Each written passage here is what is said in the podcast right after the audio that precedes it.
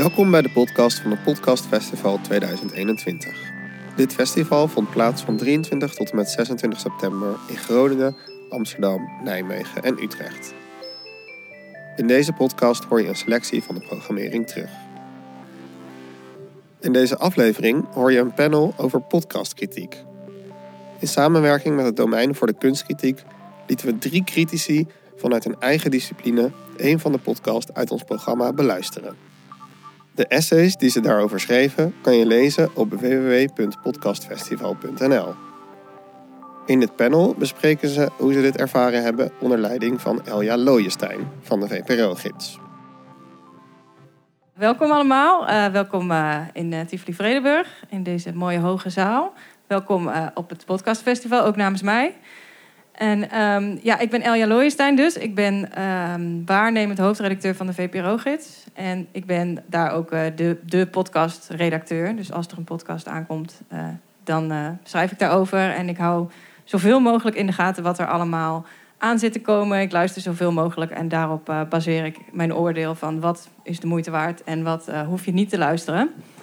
Um, dus dat is mijn, mijn taak, denk ik, als journalist. Maar uh, wat er inderdaad niet gebeurt in de VPRO-gids... en wat er naar ons weten eigenlijk nergens in Nederland echt gebeurt... is uh, ja, meer beschouwender, diepgravender uh, schrijven over podcasts. Zoals wat Lieve net al zei, wel over film en literatuur... en andere kunstvormen gebeurt. Um, dus daar gaan we het vandaag over hebben...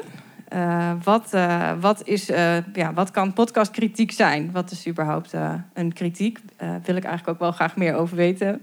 het is in ieder geval niet zeggen wat je allemaal niet goed vindt ergens aan. maar wat is het dan wel? Ja, daar, daar gaan we wat dieper op in. ik zal even inderdaad voorstellen wie hier zitten. Gawi Keizer, filmcriticus voor onder andere de Groene Amsterdammer.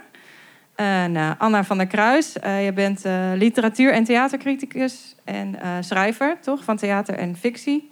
En Joost Voormeer, freelance journalist. En um, schreef op Harthoofd, de correspondent en de reactor, over, voornamelijk over literatuur. Ja. Um, Anna, ik begin even bij jou, want jij bent van Domein voor Kunstkritiek. Dus jij, ja, vertel eens, wat is dat voor club en wat doen jullie? Ja, uh, ik ben een beetje zelfverklaard uh, criticus in die zin. Want ik heb dus nooit voor een tijdschrift of een krant uh, of een website kritieken geschreven. Ik kom echt uit de literatuur en in eerste instantie theater. en zo ben ik ook bij Domein voor Kunstkritiek terechtgekomen. Domein is een organisatie die ehm, eigenlijk een hele kleine organisatie die wel al heel lang bestaat. Ooit in, uh, in Amsterdam ontstaan rondom het uh, uh, theaterfestival, rond de randprogrammering. Sonja was onze grote roerganger en, en zij Sonja? vond... Welke Sonja? Sonja van de Valk. En zij vond dat er meer moest zijn dan sterren en ballen. en wilde dat faciliteren. En dat heeft zij heel veel jaar met heel veel passie gedaan. En... Um, dat stokje is nu overgenomen door onder andere uh, mijzelf. En um, wij zijn een redelijk diverse uh, club. We hebben bijvoorbeeld iemand in huis die uh, inderdaad um, filmwetenschapper is en iemand die kunstwetenschapper is. Ik ben dat dus zelf niet. Ik kom echt een beetje van de vloer en ik heb voornamelijk theater gemaakt. En um, zo ben ik in eerste instantie als workshopdocent bij het domein betrokken geraakt, omdat ze juist wilden uh, leren schrijven vanuit zintuigelijkheid, vanuit concreetheid. Dat is eigenlijk hoe ik die, dat domein ingerold ben. En het, het doel van dat domein is dus dat er meer ja, het, het, het, um, het steunen van de kunstkritiek of het, het, het, het verbeteren. Ja, eigenlijk ook wel het openbreken, omdat er weinig ruimte is uh, uh, uh, om elkaar te ontmoeten, om jezelf te verbeteren. In dat vak er is geen school voor of zo. Je kunt natuurlijk journalistiek studeren of je kunt vanuit een andere discipline in de kritiek rollen. Uh, maar om de kritiek te kunnen onderzoeken en ontwikkelen, eigenlijk zijn we altijd heel erg aan het pionieren en elkaar aan het ontmoeten. Soms gaat het echt over nieuwe vormen. Over hoe kunnen we bijvoorbeeld uh, het internet gebruiken om de kritiek op een andere manier vorm te geven. Uh, Gabi is, is onze film- en leven docent. Die geeft al een aantal jaren de workshop in AI. van hoe kunnen we nou eigenlijk anders kijken naar film. Maar dat uh, kan hij misschien beter mm -hmm. zelf. Uh, maar goed, dus we hebben een aantal verschillende Ehm, projecten. Ik, ik, eh, een van mijn projecten is eh, onder andere Dans en Durf. Waarin we echt onderzoeken hoe kun je nou schrijven over dans. Omdat er eigenlijk weinig nieuwe woorden worden gegeven aan dans. En dus dat is een beetje in dezelfde hoek als hoe we hier vandaag zitten. Het is er niet, dus we gaan het maken.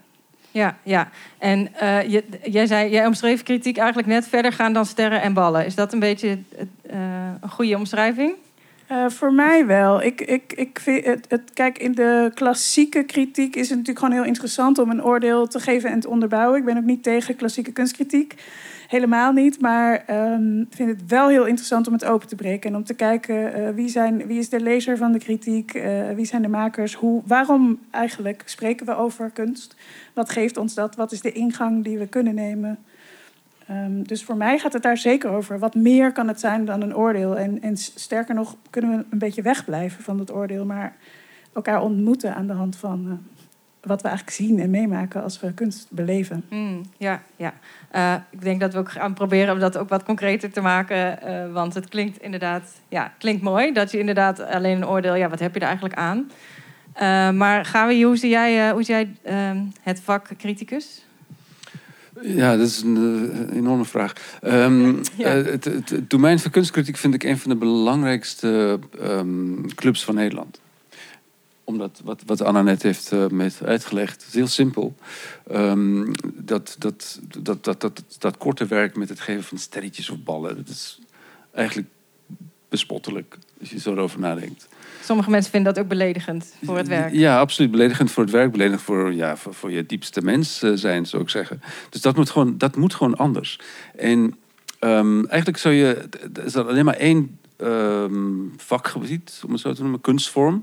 die in Nederland serieus wordt um, gerecenseerd. En dat is literatuur.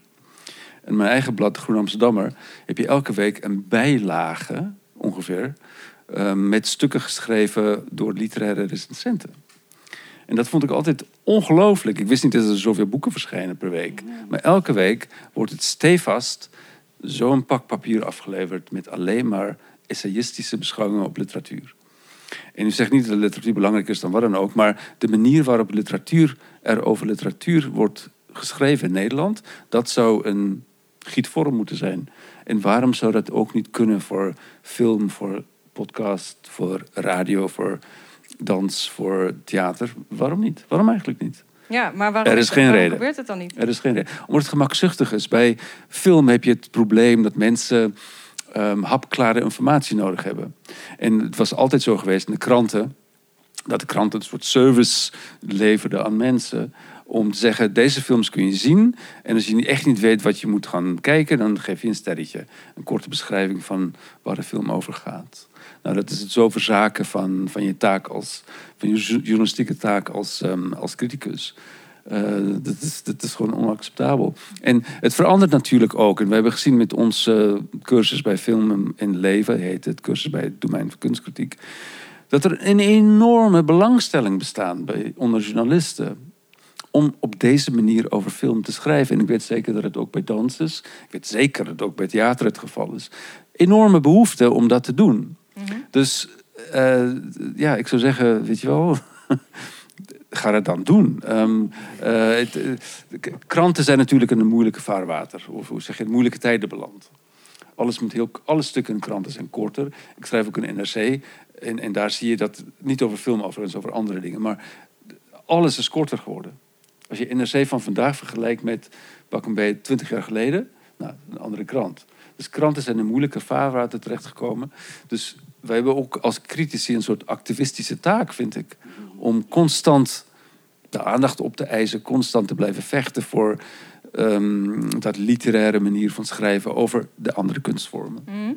Uh, Joost, jij bent toevallig literatuurcriticus. Van, van, jou zijn er dus al genoeg. Of jouw vak wordt al uh, uitgebreid uitgeoefend. Uh, denk je er ook zo over dat, dat er genoeg literatuurkritiek is, maar dat de andere vlakken nog een beetje achterblijven?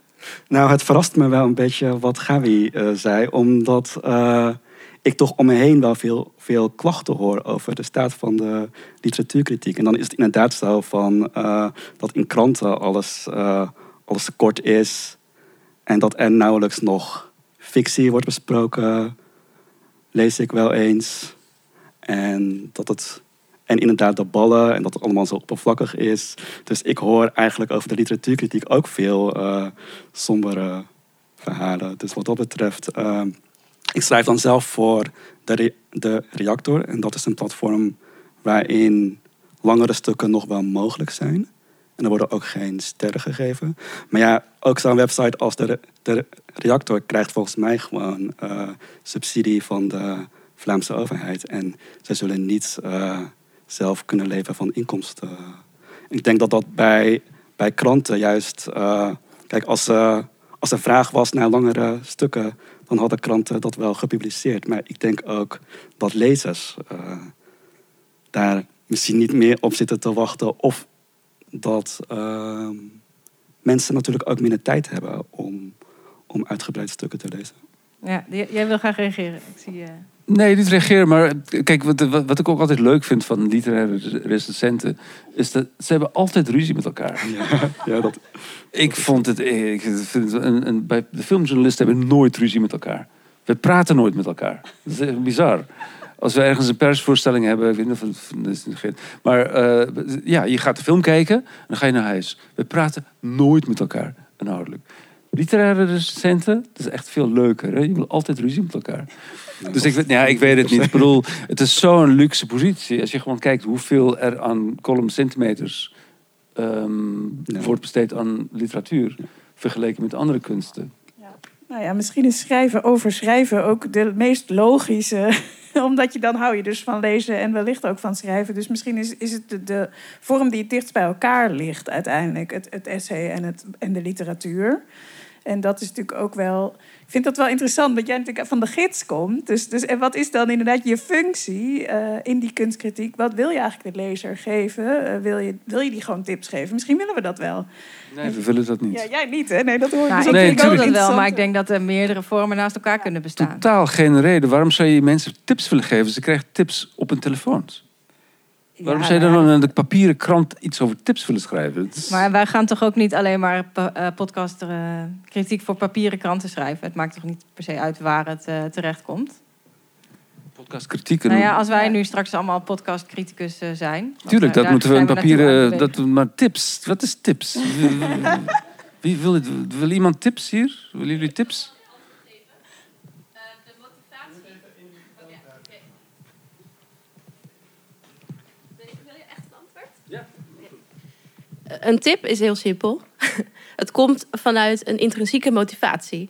Ehm, het is een boodschap die je doorgeeft aan een ander. ehm, om, in de hoop dat diegene er ook iets moois uit kan halen. Zo zie ik het, hè? Dat is mijn visie. Ja, een aanbeveling. Een aanbeveling, maar eh, wat ik heb begrepen van jou, bijvoorbeeld Anna, is dat eh, eh, een kritiek kan, dat stijgt soort uit boven de aanbeveling en dat voegt echt iets toe aan het, het werk waar het eh, over gaat. Ja, ik denk dat de, dat de kunstkritiek eh, de kunst ook kan ontsluiten, om maar een moeilijk woord te gebruiken. Maar dan gaat het dus eigenlijk ook over wat begrijpen we nog niet. Eh, eh, wat vertelt het ons over onszelf? En dat zijn natuurlijk dingen waar je, waar je binnen een tip of een, of een klassieke recensie gewoon toch. waar je misschien aan raakt als je iets heel erg mooi hebt gevonden. Omdat je dan bij die kern komt, vanzelfsprekend. Eh, Dus- maar wat ik veel in theater heb, heb gezien ook, is dat bijvoorbeeld dan op een festival drie verschillende voorstellingen in één stukje terechtkomen. En dat die derde dan drie regels krijgt van dit was dus niet het voorgaande, jammer. Ja, een soort, dat zijn dingen die gewoon snel gebeuren. En, eh, en het is mooi om ruimte met elkaar te maken over wat kan dit eigenlijk nog meer zijn, denk ik. Los van dat het naast elkaar mag bestaan, eh, wat Mhm. mij betreft. Ja. Ja, want voor wie, voor wie wordt het dan gedaan? Want jij zei al net van eh, mensen, het is eigenlijk, mensen willen dat niet lezen, zo'n ellenlange beschouwing. Nou, ik denk wel dat. werk. Ja, er, zijn, er zullen wel mensen zijn die het, eh, die het willen lezen. Dus, dus, dus, want daarom doet de, doet de Groene het ook zo goed, zeg maar. Er is, er is wel vraag naar. Alleen ik denk dat het wel afneemt in vergelijking met wat je bijvoorbeeld in de jaren 60 en 70 eh, had. Toen mensen ook nog echt, ga, echt geabonneerd waren op eh, literaire tijdschriften. Nou ja, wie is daar nog geabonneerd op een literair tijdschrift tegenwoordig, behalve als je zelf schrijft. Dus ik denk wel, het neemt wel af. Dat is dat. Die ontwikkeling zie ik. Ja, bij, bij de Groene ehm, krijg je ook de gids gratis erbij. Dus dat, dat is een hele mooie combinatie. En Dan heb je echt zo'n dik stuk pa- papier om te lezen. Nee, ehm, ik denk, het klopt helemaal wat je zegt, eh, Joost. Ik denk dat, er, dat er vraag naar is. Mensen willen langer stukken lezen, langere stukken lezen over literatuur. Absoluut. Dat verklaart ook het succes van de Groene Amsterdammer. Die gaat omhoog. En daar is de reden voor. Ik denk steeds dat mensen moe zijn voor het hele tipcultuur. en dat ze echt de verdieping zoeken. Je, kan, je merkt het overal aan. En tja, of je het nou leest op papier, dat heeft volgens mij ook een meerwaarde. Want het is, weet je wel, of online, dat, dat kan natuurlijk ook. Online kun je nog langer schrijven daarover. Hè? Dat, is, dat is het leuke voor online. Dan heb je geen beperking. Maar dat er een soort van behoefte is aan, aan, ehm, aan beschouwende. Trouwens, een, misschien komt de vraag wat een recensie dan is nog aan de orde. Maar om, Ja, ik stel hem bij deze. nou ja, dat, dat- dat, is in feite een één lange tip. Ehm, ik, ik- wat mij betreft is een, een eh, kritische beschouwing op film of wat dan ook ehm, altijd een tip. Een kritische beschouwing is niet eh, twee pagina's lang iets afkraken. Je- De, de, de, criticus schrijft per definitie over iets waar hij enthousiast over is. Ja. En, en ehm, de- waar hij eh, ook het leven van, van, van de lezer en van zichzelf en van de mensen in het algemeen aan, aan wil koppelen. Dit is waardevol wat hij heeft gezien, wat hij heeft gehoord. En hij plaatst dat in een bepaalde kader. Dus dat hele ding, dat hele stuk, is in feite één lange tip. Ja, tuurlijk. Het is een aanbeveling. Om, Ja. om het ook te gaan eh Nee, niet een meemaken. aanbeveling. Dat is essentieel. Je mag het niet missen. Als je het mist, Mm. dan is er iets mis met je. Of dat, dan mis je iets essentieels in je leven. Weet je wel, dat enthousiasme, dat is echt belangrijk. Dat, dat moet een stuk van heel passie eh, moet erin zitten. Nou, ik heb laatst iemand horen zeggen die eh, in het amateurtoneel werkte. Die zei, eh, ja, want eh, toen ik nog eh, amateurtheater maakte... en dat ging dan over eh 20, 30, 40 jaar geleden... toen moesten die recensenten altijd wel iets vinden wat ze niet goed vonden... want anders werden ze niet serieus genomen. Dat vond ik een hele leuke uitspraak. Ik dacht, oh ja, misschien staat je goede naam als recensent wel op het spel... op het moment dat je alles maar leuk en goed vindt. En, en dat is nog iets anders wat ik net zat te denken... door, door natuurlijk toch de komst van het internet... Eh, wat ondertussen al zo lang helemaal in onze systemen en vezels zit. Maar eh, is het idee van een, ehm, eh, iemand met de kennis, die dus het oordeel kan vellen, wel een beetje afgekalfd. Omdat we nu allemaal, allemaal bepaalde kennis hebben. En, en, en dus de diversiteit in stemmen vind ik heel leuk dat we daar ruimte voor kunnen maken. Maar ook daar vind ik het best wel zoeken. Denk ik dat we eigenlijk nog best wel in het oude systeem zitten van de mensen die de stemmen hebben, voor de kranten in ieder geval.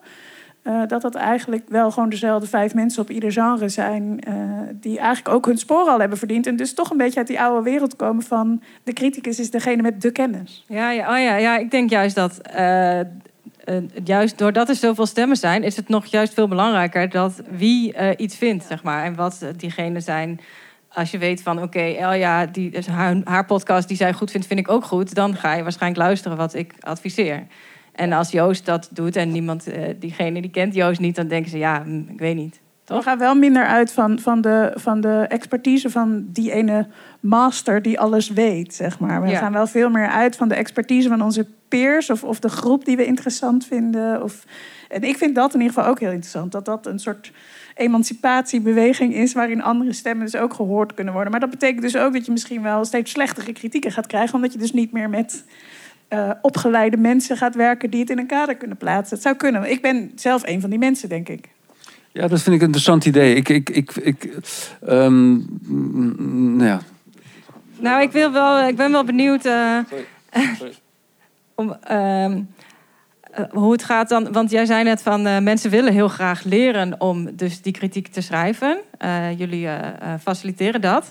Ehm, kun je iets vertellen over wat je die mensen dan leert als je, als in jouw cursus bijvoorbeeld? Ehm, in, mijn cursus koppel ik eh, film aan het leven. Zo heet de cursus ook, film het leven. Wat ik, wat ik zelf interessant vind aan film is hoe dat een reflectie is van eh, je eigen leven. Wat je meemaakt in je leven, van, van je trauma's. Ik heb mijzelf eh, alleen of de, de simpele vraag gesteld: waarom gaan mensen naar film? En dan kun je eigenlijk ook stellen voor podcasts, voor dans, wat dan ook. Waarom lezen ze boeken? Waarom eigenlijk? Wat zoeken we? Wat, wat zoeken we eruit? En ik wil niet een, een, een hapklare antwoord hebben, maar ik, ik, ik denk dat het antwoord is: we willen graag weten hoe we moeten leven. Dus dit is eigenlijk de, de rode draad van mijn cursus. Ehm, eh, hoe kan je naar film kijken om deze vraag te beantwoorden? En dan, en dan zijn er allerlei manieren. Ik heb een aantal ehm, kijkkaders ontwikkeld. Niet ontwikkeld, klinkt belachelijk. Eh, kijkkaders bedacht. ehm, die, die voor mij van belang zijn.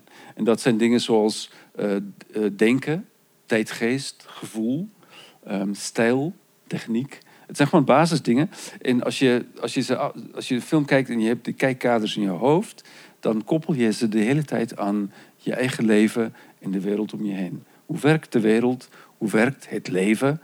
En wat zie ik daaraan? Eh, Pauline Kael, beroemde filmcriticus van de New, York, ehm, de New Yorker, heeft ooit gezegd: ehm, film kijken is als stukjes van jezelf op dat scherm zien. Hmm. Dat is in een notendop wat mijn cursus is. Stukjes van jezelf. En die stukjes die, die breng je dan onder woorden en die zet je Ja, op papier. Ja, het is een onderzoekende iets. Het is een filosofisch bespiegelende ehm, eh, manier van, van kijken naar film. Ja. Is dat, eh, Joost, als jij een kritiek schrijft, is dat dan ook een beetje hoe, hoe jij te werk gaat? Die, die, je- je neemt kaders en eh, daar probeer je iets over te zeggen vanuit jezelf? Ehm, ja, ik lees het boek heel. Ik lees het boek aandachtig en dan probeer ik eigenlijk mijn, mijn mening zo, eh, zo goed mogelijk weer te geven. En vooral wat mij opvalt. Eh, wat ik ook heel graag doe, is vergelijkingen met, eh, met eerder werk leggen, als ik dat heb gelezen. Of eh, vergelijkingen of, of naar verwijzingen zoeken. Dus verwijzingen naar andere. Ja, want dat is Boeken. natuurlijk ook een kader. En dat is misschien ook wat een criticus goed kan doen. Als die, ehm, als die goed beslagen ten ijs komt, weet hij ook de achtergrond van hetgene waar hij naar eh, aan het kijken is, of aan het luisteren of aan het lezen is. Is dat eh, denk je belangrijk? Ehm, Dat je het wel dat allemaal weet, al die, eh, al die omstandigheden, wat diegene eerder heeft gemaakt, wat voor persoon het eigenlijk is. Ja, dat weet ik niet. Ik denk ook, het hoeft niet per se. Ik denk ook dat mensen met een meer onbevangen blik kunnen kijken naar literatuur. En meer vanuit hun eigen eh, ervaringen kijken. En meer schrijven van, van wat doet het met mij. Alleen, dat gebeurt denk ik niet zoveel, omdat het misschien nog niet zo geaccepteerd is. Maar ehm, Is Ik denk- het verboden voor jou als eh, eh, criticus om eh, over je eigen persoonlijke individuele ervaring te schrijven als je het leest? Voor het platform waar jij voor schrijft? nee, dat denk ik eigenlijk Nee. niet. Nee. Misschien dat het eh, niet heel conventioneel is. Maar ik denk niet dat, denk niet dat het verboden is. Ik denk gerust dat ik eh, mijn eigen ervaringen kan meenemen als ik, eh, als ik een boek bespreek. Alleen, misschien moet je er dan wel voor oppassen dat het niet om mij gaat draaien. Het moet nog wel steeds om het werk gaan en, eh, niet, en niet om mezelf. Dus dat zal dan wel een eh, soort Ja. wisselwerking. Ik weet niet hoe jullie daarover denken of jullie ervaringen zijn, maar voor mijn gevoel is dat vrij recent. Dat, dat een criticus gewoon ik kan zeggen. Een- Twintig jaar geleden was dat not done. Ik Eh, werk nu met een aantal mensen die inderdaad voor NRC schrijven. Eh, zijn we voor Festival Cement iets aan het ontwikkelen rondom kritiek en makers. En, en daar, van hen hoor ik het ook nog steeds. Dat het eigenlijk echt niet per se de bedoeling is in de krant. Om, eh, Ja. Tenzij je echt een, een voorstander van, essay toch? eh, eh, plekje krijgt ergens. En dan mag je de koppeling leggen. Dan gaat het over eh, wat jij in het museum eh, hebt gezien. En of je dat kan koppelen aan het overlijden van je moeder, bij wijze van spreken. En dan is dat een gespreksonderwerp. Maar ja. Is een cultureel ding, want de anglo-saxische wereld is dat de normaalste zaak van de wereld om vanuit de ik-persoon te schrijven. Ja, ik zie dat bij ons op de redactie van de VPRO iets ook dat de, de, de jongere generatie doet dat echt eh, van, vanzelf. En de ouderen die, die vindt dat dan inderdaad van waarom plaats ik mij op de volgende. Die, die, die schrijven dan ook in de we-vorm. Zo van we lopen naar binnen. Ja, dat alwetende. Ja, ja. Dan denk ik altijd, wie is we? Wie, wie, wie, leggen ze we uit? Wie, het Nederlandse volk, de mens? ja, maar ze vinden het anders dus is- een beetje arrogant of zo. Dat je dan van, van Ja. hoezo gaat het over de schrijver? Het gaat, eh, ja. Ja. Maar goed, eh, dat is waarschijnlijk inderdaad wel iets echt wat aan het eh, verschuiven is. En dat is ook wat jullie dus volgens mij in jullie werkwijze heel erg eh, wel doen, toch? Echt het, de individuele ervaring van degene die het eh, beoordeelt of Ja, die het beschrijft. ja. Als ik eh, met de dans en durf eh, schrijvers, die komen eigenlijk altijd uit de literatuur. Omdat wij heel erg de wetenschappers hebben uitgesloten van selectie. Omdat we juist die, die taal wilden vernieuwen. En dat betekent dus eigenlijk dat je eh, per definitie amateurkijkers in je klasje hebt. Eh, die mensen weten helemaal niet zoveel van dans. En ik vind dat een heel interessant uitgangspunt. Maar dat is wel echt dus de andere kant van de boot. Ja, ja. Eh, ik wil even naar de podcast gaan, want we hebben het nu meer over algemeen over eh, kritiek gehad. Maar ehm, ehm, ja, die, die kaders die jij ehm, eh, hebt ehm, vastgesteld, kun je die ook toepassen op als je naar een podcast luistert? Ja, ik, ik, ik heb er goed over nagedacht. De, ehm, ja en nee, want die kaders zijn de- de- ja, specifiek voor film. Maar ik denk bij podcastkritiek moet je, moet je ook kaders hebben. Je moet kunnen, kunnen nagaan ehm, of iets goed gedaan is. Bij film is het vrij makkelijk. Je kan, je kan zien of een scène of een hele film goed belicht is. Je kan eh, meteen zien of iets, hoe de montage in zijn werk gaat. Je kan ook meteen zien of dat goed gedaan is.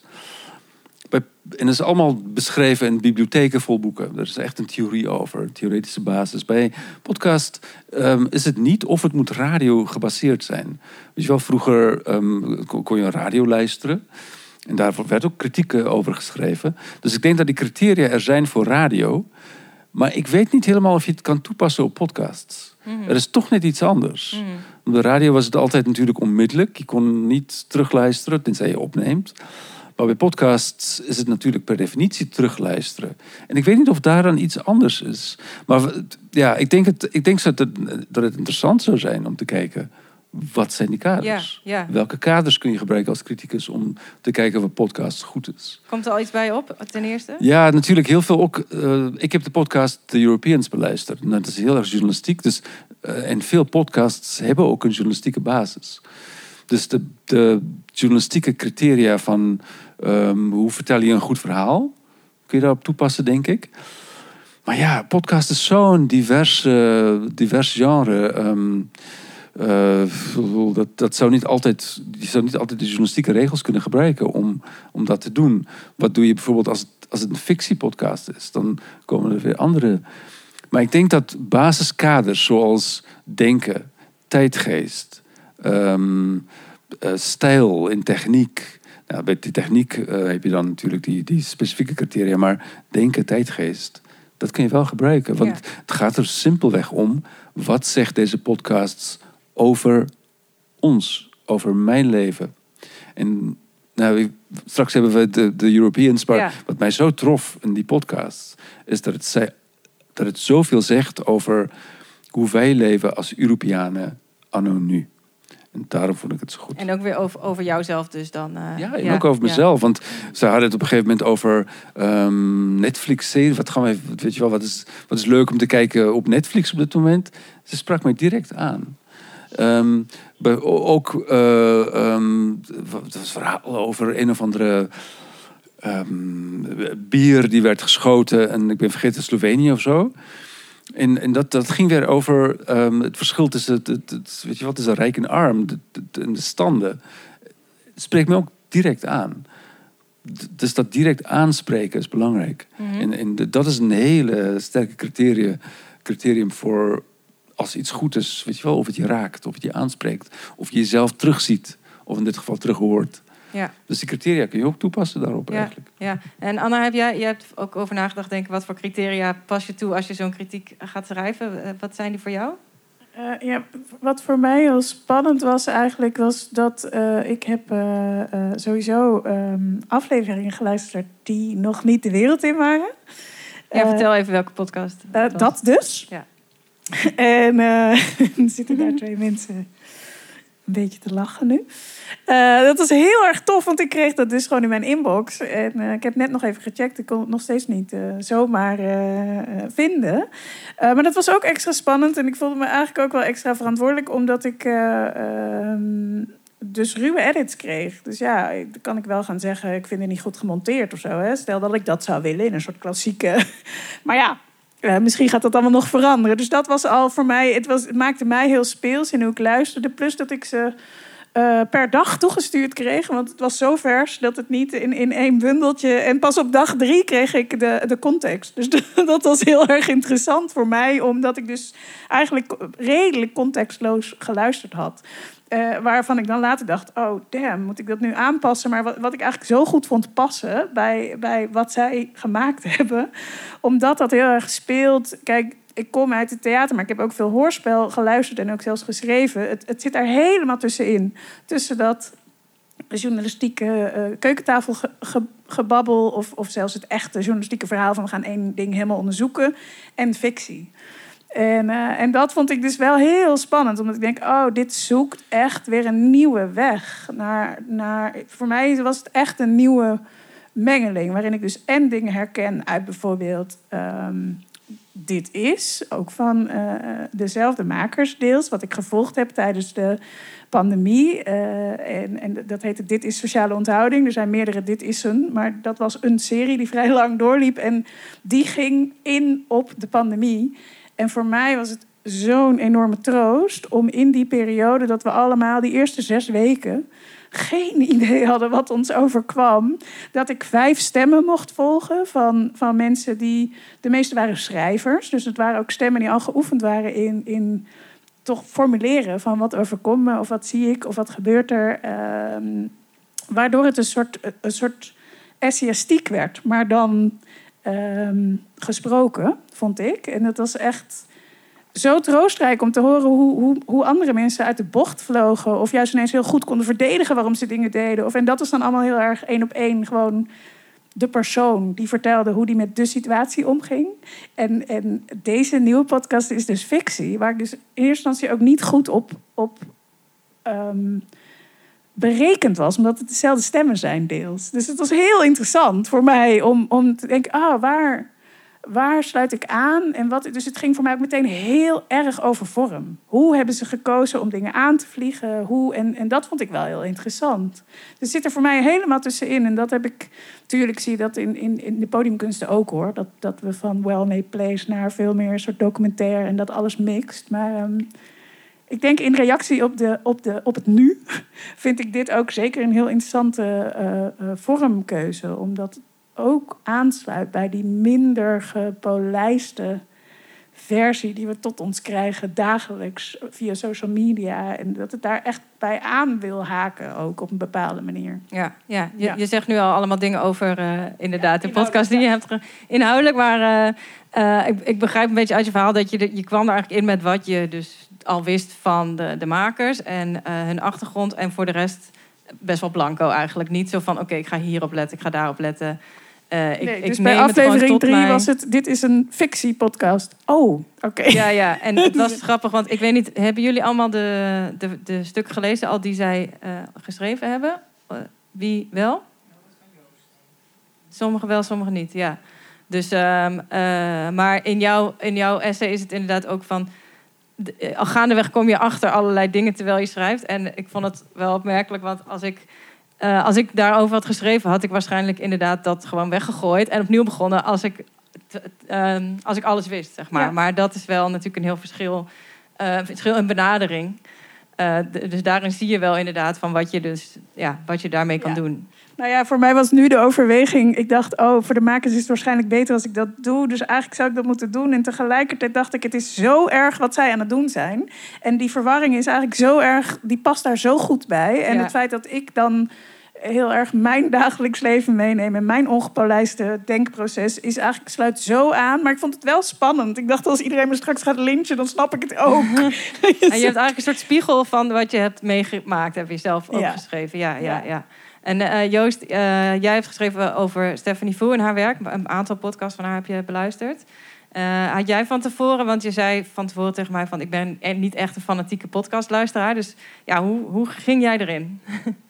Ehm, ja, ik heb het gewoon beluisterd en, en, en, en wat over geschreven. En dat kan altijd wel natuurlijk, maar dan is het meer een essay. En ik weet niet of het een recensie is dan. Ik, heb, ik vind het een beetje lastig omdat je met... eh, ik denk dat je sowieso gewend bent als journalist om, om over kunst te schrijven. En ik weet niet of podcasts dan onder kunst zouden Ja, goede vraag. kunnen, kunnen vallen. En ik dacht ook bij de voorbereiding van... ehm, bestaat er zoiets als radiokritiek? En Gabi zei net dat het bestaat. Ik heb gezocht op internet, want ik dacht van... zijn er mensen die radioprogramma's eh recenseren? Kon- Iedere, dag in The Guardian.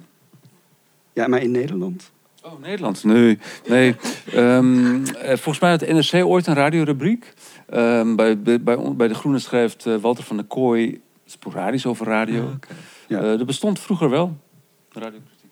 Ja, want, want ik denk dat het daar dan, dan op aan zou kunnen sluiten. Want ook televisiekritiek is er eigenlijk ook niet... Ja, je hebt natuurlijk Angela de Jong en, eh, en, en Julien Altusius in de Volkskrant, eh, volgens mij. Maar ehm, ja, ik dacht eigenlijk van, van... En ook als recensent over literatuur schrijf ik bijvoorbeeld over romans en over boeken, maar niet over een artikel of een, of een, of een kort verhaal of een, of een reportage in een krant. Dus, dus er zat een soort afstand bij mij. Ik dacht van, eh, Nou, Joost, ik snap je niet.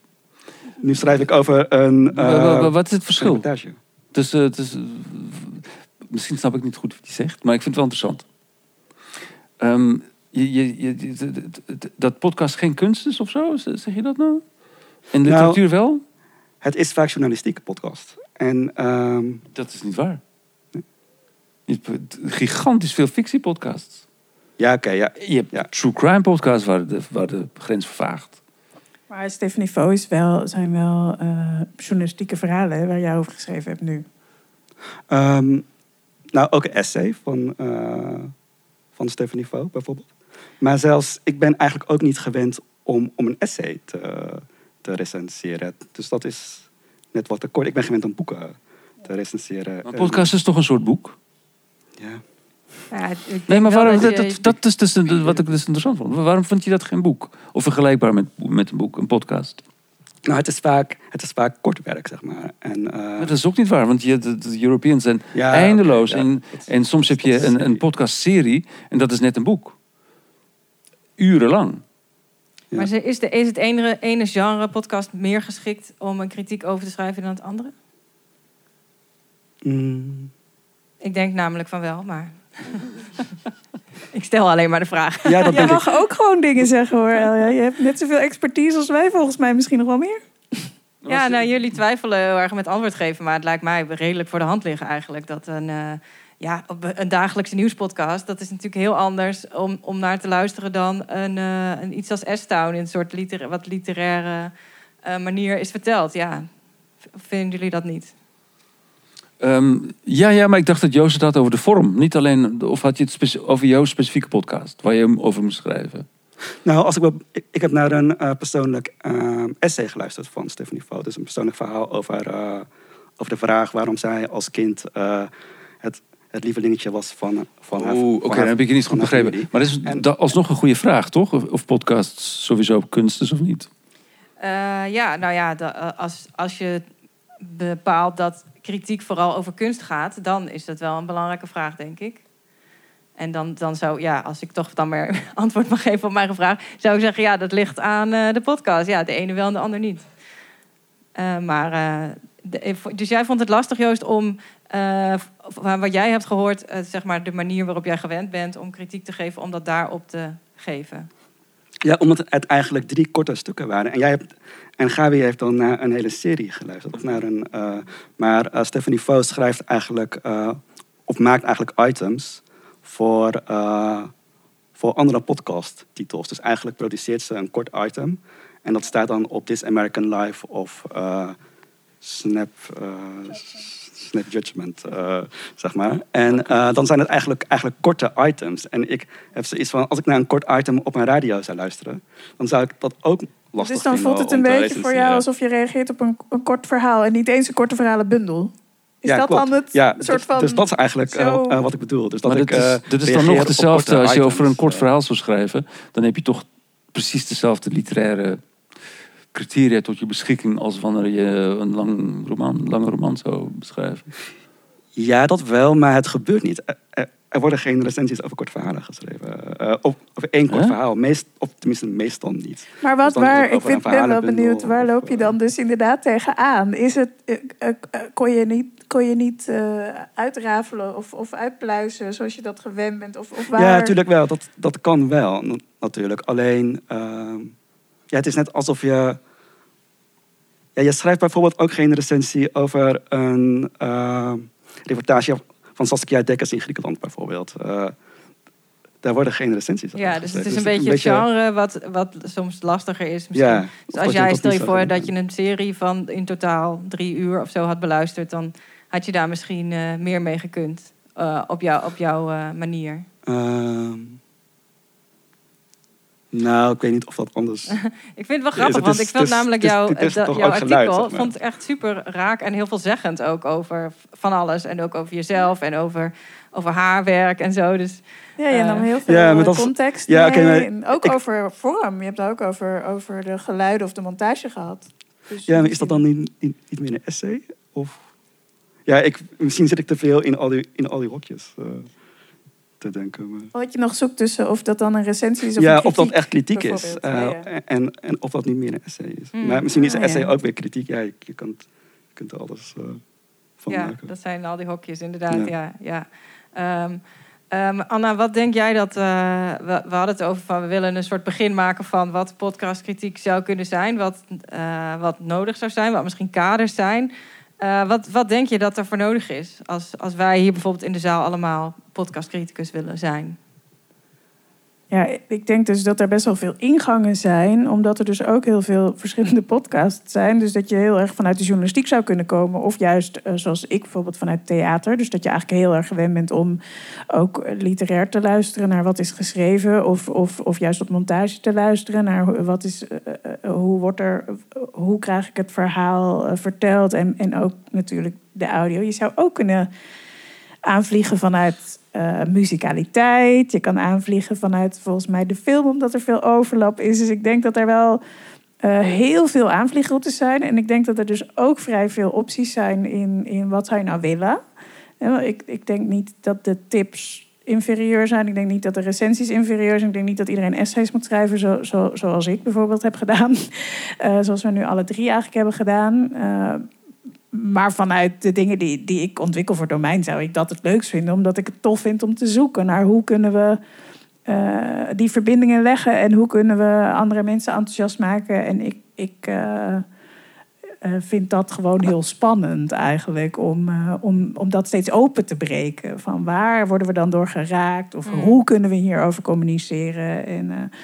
dus, dus voor mij het maakt het niet uit waar het staat. Ik wil het wel lezen. Ik vind het tof om. ehm, Om iemand zijn ervaring met een podcast te, te lezen. Dat, ja, eh, en, en, ja. en ik moet zeggen dat alles wat ik geluisterd heb, wat me geraakt heeft, is me ook weer ergens aangeraden. Dus in die zin. eh, Heb je toch een hè? tip nodig? Tuurlijk. Nee, ja, hoe weet ik anders tip dat er nodig. is? Nooit. Nooit Nee? heb je een tip nodig. Nee.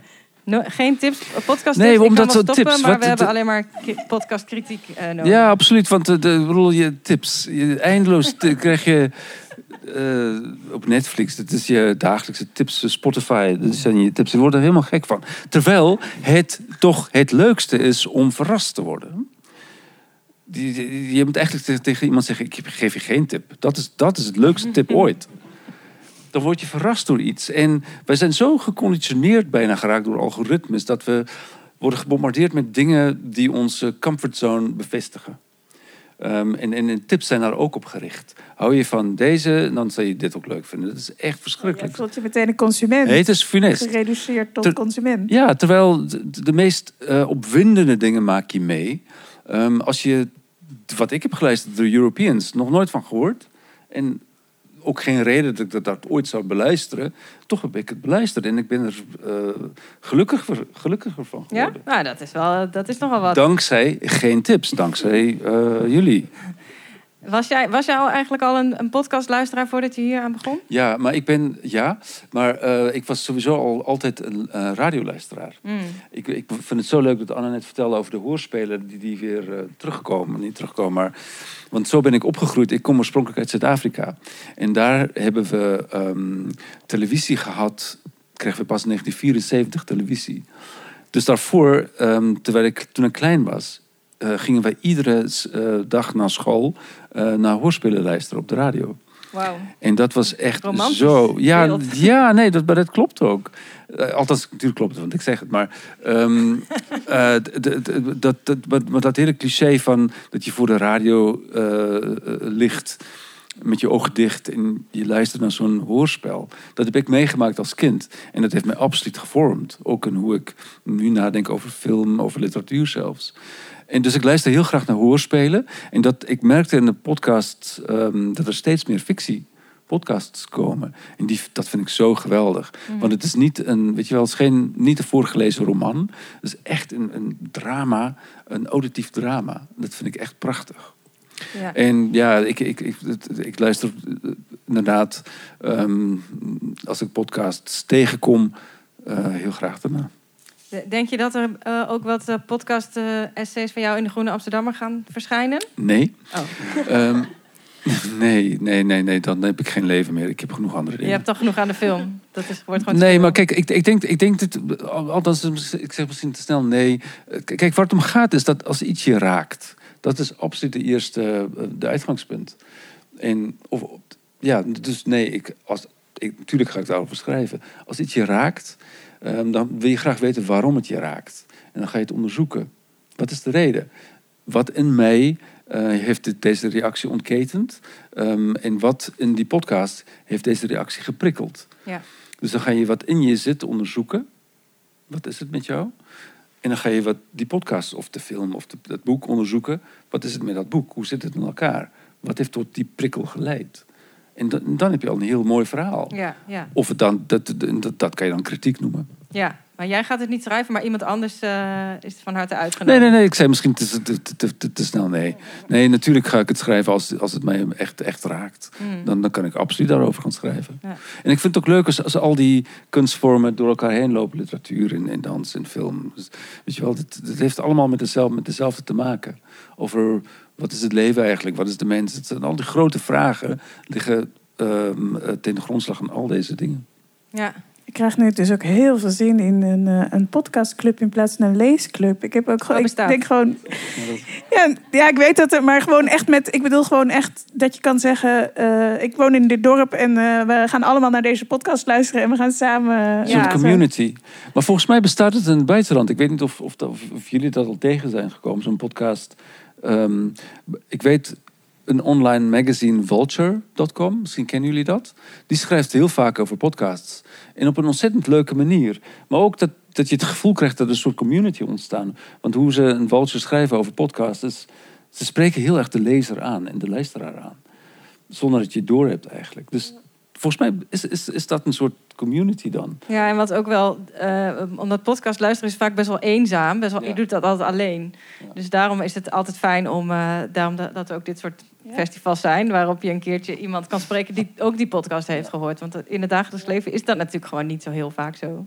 Voor mij ligt het ook heel dicht bij lezen. En dat vind ik er eigenlijk heel fijn aan. Omdat ik gewoon heel veel van mijn eigen eh, eh, voorstellingsvermogen kan eh, inzetten.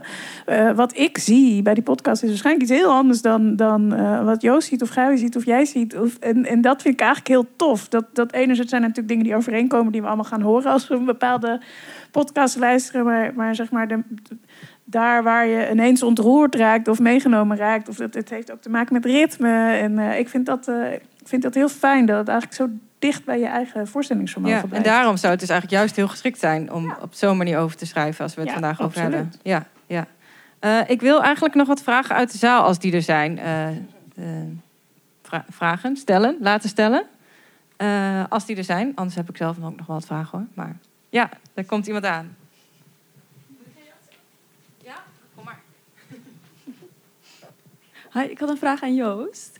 Want eh, jij hebt eh, een paar verhalen van Stephanie Foo eh, gerecenseerd. Ik heb het eigenlijk nog niet gelezen, maar misschien kan deze vraag alsnog gesteld worden. Je mm, hebt een paar verhalen geluisterd. En ik vroeg me af, kun je dan ook als recensent een oordeel geven over het oeuvre van iemand? Want dan gaat het dus meer om wat ze allemaal gemaakt heeft... en dat je daar dan op reflecteert... dan om de afzonderlijke verhalen misschien. Is dat zo geweest bij jou? En dat ook, die vraag stel ik ook in relatie tot het, omdat het medium van podcast zich vaak leent voor ehm, ja, persoonlijke. Omdat je iemands stem hoort, is het best wel persoonlijk. Dus vandaar dat mijn vraag over het oeuvre daarbij misschien aansluit. Ehm, ja, goede vraag. Ik denk ook wel, ik heb eh, uiteindelijk drie of vier eh, items eh, van haar beluisterd. En ehm, die heb ik ook wel in samenhang En je ziet dan ook wel de verbanden. Dus ik heb in mijn artikel eh, iets geschreven over eh, een transnationally Asian. Het is een soort term die wordt eh, gebruikt om een ontwikkeling te beschrijven. En vooral ehm, in Aziatische landen zoals Hongkong en Taiwan zie je een aantal mediaplatforms ontstaan die heel erg over de grenzen kijken. En in het werk van Stephanie Fo zag ik zo'nzelfde tendens, zeg maar. Dus eh, dat kon ik wel, wel zien. En dat was ook wel eh, mooi om te zien. En ik denk ook, ehm, haar werk is heel persoonlijk. Ehm, dus, dus het item dat ik net noemde over eh, hoe ze beschreef dat ze de favoriet was bij haar familie in Maleisië. Dat, dat was echt een heel persoonlijk verhaal. En, ik denk dat een podcast daar ook wel, wel zich echt voor leent, voor zo'n persoonlijk verhaal. En ze had daarvoor eh, gesprekken opgenomen met haar eh, oma. Ik dacht wel van, ja, dan moet je net maar even opkomen om als je een belangrijk gesprek voert met je oma, om dan eh, op het knopje te drukken van je iPhone en dat dan op te nemen. Dus dat vond ik wel heel slim ook. Ik dacht van, dat ga ik misschien ook eens uitproberen. Met, maar ik, ik, las, ehm, ik las laatst een artikel van een andere journalist in de New Yorker volgens mij. En zij schreef dat het persoonlijke essay op papier eigenlijk een soort van, ja, dood wilde ze het niet noemen, maar het was aan een soort eh, neergang begonnen. En dat persoonlijke essay verscheen dan, verscheen dan vooral op Amerikaanse websites als Salon.com en Jezebel.com. En ik dacht wel van, maar Stephanie Fo schrijft ook hele persoonlijke essays. Dat dat is wel een soort rode draad ook in haar oeuvre. En ik dacht dat podcasts juist dat persoonlijke essay, dat dan op papier steeds minder populair wordt eigenlijk. En op papier was het vaak toch ook wel een beetje soms clickbait, zeg maar. Dus dat hele heftige verhalen gedeeld werden om inkomsten te genereren. En ik dacht, ook met hele sensationele titels. En ik dacht juist dat een podcast dat persoonlijke verhaal een soort van nieuw leven kan geven. Ook omdat het een podcast aan zich wat minder sensationeel is. Je, je kunt volgens mij voor een podcast geen hele clickbait-achtige titel. Of ja, of ja, dat kan wel misschien, maar het heeft wat minder effect. Ik dacht van, ja, het zou interessant zijn als een podcast dat genre weer eh, nieuw leven kan geven. Ik weet niet of, of ik je vraag.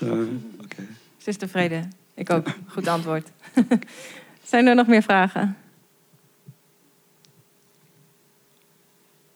Ja, toch, toch eh, je bent ergens opgekomen.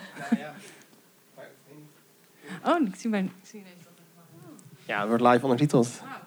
Hoi Denise. Eh, ze is al heel vaak aangesproken. Mag ik van jullie alle drie toch nog één keer het antwoord op de vraag... wat is nou het verschil tussen een recensie en een kritiek? En dan wel alle drie een ant- ander antwoord als dat mag. Oké, wie wil eerst? Dat is het makkelijkst. Want de derde heeft het moeilijk. Die moet nog een ander antwoord geven. dan doe mij maar als laatste. Oké. Oh, ik ga dan wel als eerst. Ehm, nou, volgens mij is er geen verschil tussen recensie en kritiek. Een recensie is. Ik denk dat een recensie meer de vorm is. Een kritiek kan ook eh, lang zijn. Dus een kritiek kan bestaan uit een, uit een boek, een publicatie. En een recensie is vaak kort. Dus dat is iets wat op papier of online of eh, kan ook in audiovorm eh, zijn. En, en, en kritiek kan ook, kan ook lang zijn. Dus het kan uit een boek bestaan of een studie. Dat zou mijn Gavi. zijn. Ehm, ja, zeker. Het gaat om de lengte. Recensies zijn vaak korter. Ze zijn altijd korter. Maar ehm, in een ideale wereld zou er geen verschil moeten zijn. Dat, dat, daarmee wil ik zeggen dat de- wat wij nu kennen als recensies in de kranten bijvoorbeeld, dat moet worden afgeschaft. Dat heeft geen bestaansrecht, net als de tips. Dus de, de langere beschouwende stukken waren tegelijkertijd, zonder dat de schrijver dat zegt, een oordeel wordt geveld over de kunstwerk. Dat is dan een kritiek. En dat is, ik, ik hoef niet te zeggen, ik bedoel, het spreekt voor zich dat dat veel waardevoller is dan wat we vandaag de dag nog steeds kennen als een recensie. Oké. Nou, ik heb mijn eigen graf gegraven. Hè? Ja, Dat snap je ja, niet. kom er maar overheen. Ehm, Nee, ik, ik, ik, ik, ik weet niet. eh, ik ga het toch proberen. Ik weet niet of het voldoende gaat afwijken. Maar ehm, ik denk eh, voor mij is eh, kritiek eh, eh, het woord wat eigenlijk omschrijft dat we kritisch denken. En kritisch is dus niet per se eh, positief of negatief. Eh, maar is volgens mij na vraag 3 en 4 nog vraag 5 en 6 stellen eigenlijk. Eh, dat, eh, langer nadenken, wat mij betreft. Dus niet eens per se een langere vorm voor, voor de recensie. En, en, en waar, waar ik zelf... we krijgen als domein heel vaak ook terug van... oh, jullie schrijven recensies. En ik denk, wat, nee, dat is eigenlijk niet wat we in dit geval aan het doen zijn. Want meestal zijn we dat niet aan het doen. Hè, want die zijn er al. Er zijn recensenten, die zijn goed... En, en, en wat mij betreft totaal niet overbodig. Maar eh, dat is niet wat we doen. We, we, we proberen kunstkritiek te vernieuwen en te ontwikkelen. En een ontmoeting te zijn, ontmoetingsplek te zijn. En ehm, als mensen zeggen, oh, jullie schrijven recensies... dan denk ik eigenlijk altijd aan mijn eh, basisschooltijd. Waarin je inderdaad leerde van... eh, als je een boekverslag moest schrijven... van dit is de hoofdpersoon en dit heeft de schrijver bedoeld. En weet je, een soort... Eh, voor mij is dat een eh, eigenlijk een hele smalle manier van ervan uitgaan dat een kunstwerk maar één betekenis heeft, bijna. En, en, en dat er dus allerlei technische specs zijn waar je het over kan hebben. Dus wie is de schrijver of wie is de hoofdpersoon? En, en, en dat er dus een lijstje vragen is dat je kan afvinken. Voor mij is dat geen kritiek. Ehm, ja, dat, dat is eh, ja, oppervlakte. Het is eigenlijk een soort diepgravendere vorm van een recensie. Ongeveer. Nou ja, want je Ja? ontkomt natuurlijk uiteindelijk niet aan eh, een, eh, een mening die je onderbouwt. Want dat, dat roep ik dan wel, dat we die zo lang mogelijk uitstellen. Maar natuurlijk, want je maakt ergens een connectie. Dus, dus je moet je ook uitspreken, want anders schrijf je niks. Dat is gewoon. eh, Maar ik vind altijd vervallen in. nou, dan aan het einde doe ik nog even een oordeel. Vind ik altijd jammer. Daar probeer ik zo ver mogelijk van weg te blijven. Ja, Geen, geen sterren, geen, geen tips. nee. Ja, nee. En ook niet, dit had de maker beter kunnen doen. Denk ik altijd, ja, dan ga je dat zelf maar doen. waar bemoei je mee? Dan ga je het zelf maar doen, ja. Oké, nou, volgens mij eh, is dat een mooie conclusie van het verhaal. Eh, we staan nog maar aan het begin.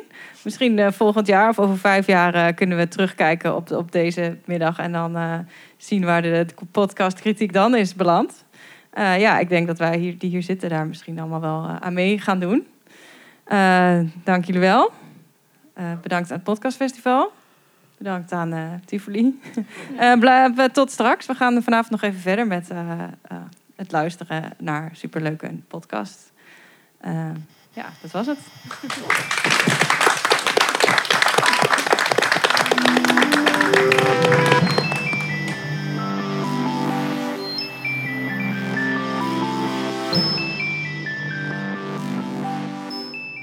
Bedankt voor het luisteren.